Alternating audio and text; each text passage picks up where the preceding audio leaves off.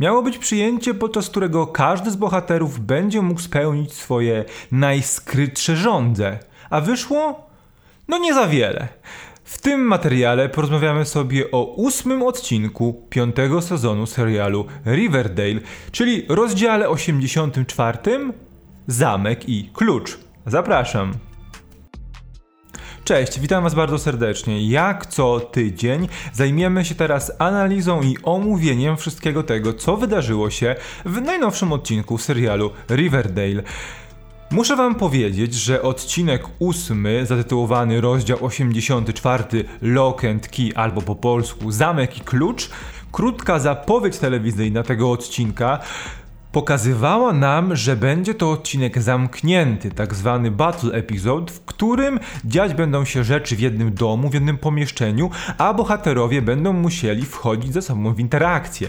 Okazało się jednak, że to przyjęcie w domu Cheryl to dopiero połowa, druga część odcinka. I tak naprawdę bardzo szybko od tego przyjęcia przeszliśmy do dalszej części e, fabuły i, i reperkusji wszystkiego tego, co wydarzyło się w tych kilku krótkich scenach. Niestety, ja mam wrażenie, że ten odcinek chciał bardzo szybko odwrócić wszystko to, co serial zrobił w odcinkach poprzednich, tych odcinkach po przeskoku w czasie. To znaczy, zastaliśmy naszych bohaterów w zupełnie różnym, zupełnie odmiennym odmiennych momentach swojego życia e, i wyglądało na to, że będą oni się rozwijać w tych nowych kierunkach. A tutaj cyk, fabularne zatrzęsienie spowodowało, że wszyscy nasi bohaterowie, niczym kostki do gry, zostali wrzuceni do jednego pojemnika, wymieszani i właściwie wróciliśmy do takiej sytuacji, do takiego ułożenia e, bohaterów, jaki znaliśmy z przeszłości. Obawiam się, że to ten przeskok w czasie, to, że wiele ma się zmienić w tym serialu i w tym miasteczku,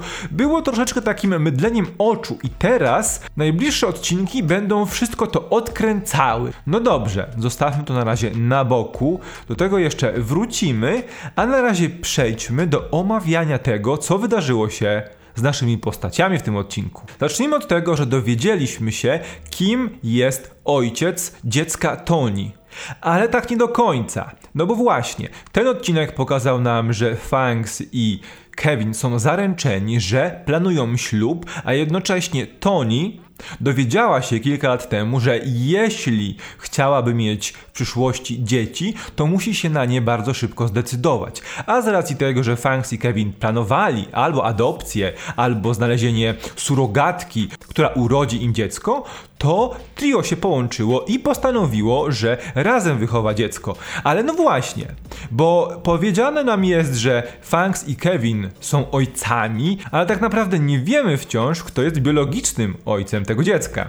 Tym samym sprawdziła się jedna z teorii, które wysnułem kilka odcinków temu, że istnieje właśnie prawdopodobieństwo, że być może Kevin i Fangs jako para, która jest sobą od szkoły średniej, będą chcieli mieć dziecko i wykorzystają, wykorzystają w tym celu właśnie Tony. Ale z tą parą, czyli Kevinem i Fangsem, wydarzyło się w tym odcinku jeszcze coś złego.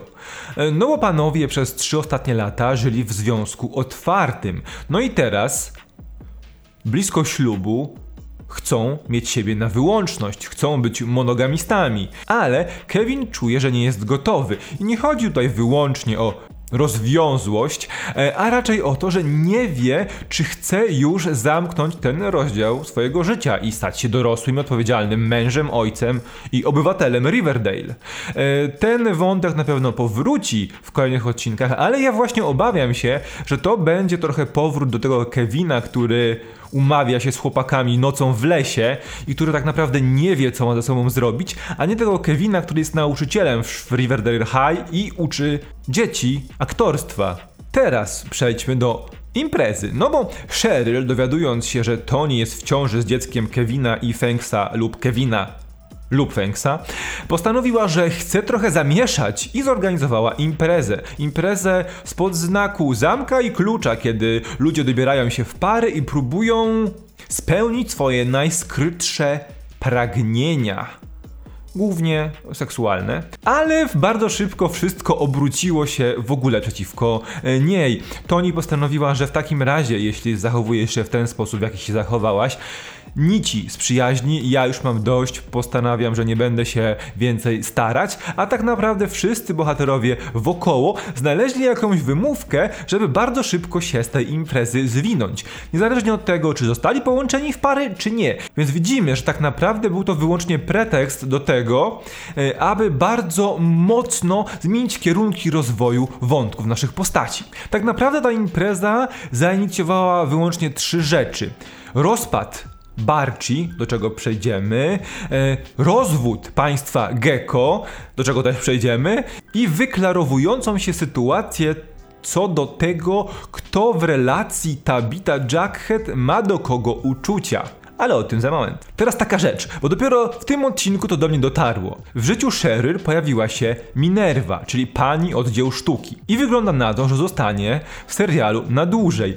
Ale, ale, Tę postać gra Adeline Rudolph, która w serialu Chilling Adventures of Sabrina grała Agatę, a później szaloną Agatę, więc wyraźnie widać, że Sabrina i Riverdale nie mogą być w tym samym uniwersum. I teraz pytanie do Was: czy być może Minerva to tak naprawdę Agata, czy tak naprawdę ktoś tutaj zapomniał, że ta aktorka występowała w dość prominentnej w ostatnich częściach roli w serialu o Sabrinie? Jaka jest Wasza opinia? Czekam w komentarzach. I teraz przejdźmy do rozpadu relacji jednej z dwóch. Zacznijmy od Archiego i Betty, bo okazuje się, że ich casualowa relacja zmierzała w stronę coraz bardziej formalnego związku i obu stronom zaczynało to przeszkadzać. Betty dlatego, że nie chciała psuć swojej przyjaźni z Archim, seksem i potencjalnie relacją romantyczną, chciałaby, żeby był jej światełkiem w mroku, żeby był jej przyjacielem i pomagał jej uporać się z tym,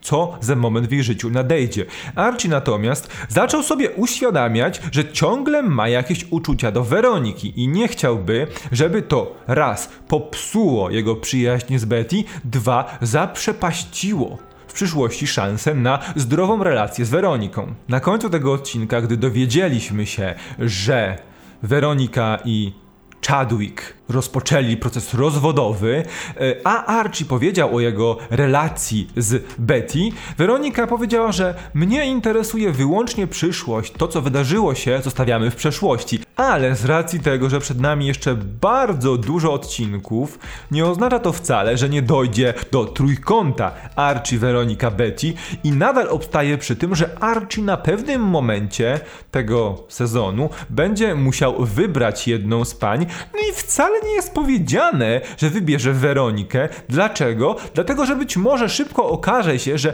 przeszkadzać jej będzie relacja, którą Archie miał z Betty. Betty oddala się od Archiego, bo uważa, że musi poradzić sobie z tą mroczną sytuacją, jaka ma miejsce w ich życiu sama. Potrzebuje jego wsparcia, ale nie potrzebuje jego wsparcia w taki sposób, jak on chciałby jej dać logika Betty Cooper, no to ja poradzę. Na końcu tego odcinka dowiadujemy się, że Poli cały czas żyje.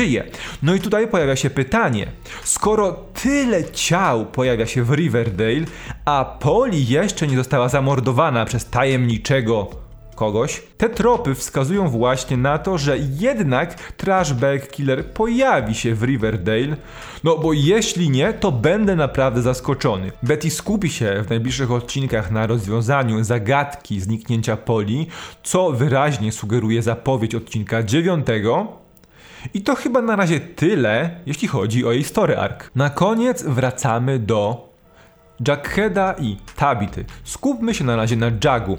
Wyraźnie widać, że Jackhead mierzy się z jakimś mrokiem. Mowa jest o jego czasie spędzonym w Nowym Jorku, tym, że balował, pił, przyjmował narkotyki i jingle jungles. No i że zniknęło mu z życia kilka lat. I wiecie, jaki mam z tym problem? Taki, że można potraktować ten wątek dwojako, bo albo można ten wątek trywializować i stwierdzić, że pokazywać przez większość czasu, że to kosmici, a później stwierdzić, że a jednak nie kosmici, jednak nie ludzie ćmy, albo że to zaburzenia psychiczne albo depresja pokazane jako kosmici, przejaw mroku wewnątrz Jackheada i będzie to intrygujące, ale bardzo śliskie i bardzo ryzykowne, bo w pewnym momencie można sobie zadać pytanie, no ale Po co to wszystko, jeśli to tylko wyobrażenie Jackheada spowodowane jakim, jakimiś zaburzeniami psychicznymi? To jest bardzo cienki lód, po jakim stąpają ludzie piszący scenariusze do Riverdale. Widać też wyraźnie po zachowaniu Tabity i Jackheada podczas, między innymi podczas imprezy u Cheryl, że może się okazać, że ta relacja e, Tabity i Jackheada, a raczej rodzące się uczucie, to uczucie jednostronne. Jackhead wydaje się, że nie ma w tym momencie pojęcia, że Tabita zaczyna się o niego troszczyć i Tabicie zaczyna na nim zależeć, a po zachowaniach właśnie Tabity widać wyraźnie, że coś jest na rzeczy. Jak ten wątek się skończy? Może być jeszcze dużo dramatu, to na pewno. No dobrze, na koniec tylko jeszcze szybkie podsumowanie tego, co wiemy o odcinku dziewiątym, który nosi tytuł Rozdział 85 Destroyer, albo po polsku Niszczyciel. Betty skupi się przede wszystkim na rozwiązaniu zagadki zniknięcia Poli, będzie bezwzględna i będzie chciała doprowadzić sprawę do końca. Bulldogi z Riverdale będą przegrywać i to stromotnie, więc Archie i Weronika będą szukali sposobu na podbudowanie morali całej drużyny. Jackhead będzie próbował zaopiekować się uczniem, który wyraźnie ma jakieś problemy w życiu prywatnym, a z racji tego, że on również musi się borykać z podobnymi sprawami, będzie za wszelką cenę chciał mu pomóc, a Kevin, co widzieliśmy już w tym odcinku, będzie próbował zmierzyć się ze swoją mroczną przeszłością, a konkretnie z jednym wydarzeniem. To wszystko w tym materiale, a teraz czekam na Was.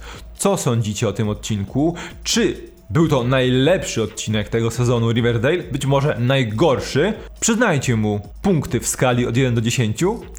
Czekam na Wasze teorie, na Wasze analizy, na Wasze komentarze. Zapraszam Was do innych materiałów z serii o Riverdale, być może o innym serialu młodzieżowym, a my widzimy się za tydzień. Zostawcie łapkę w górę, zostawcie suba. Zróbcie wszystko, co możecie, żeby ten materiał dotarł do jak największej liczby ludzi. Sprowadźmy tutaj wszystkich fanów Riverdale. No i do następnego. Trzymajcie się. Cześć.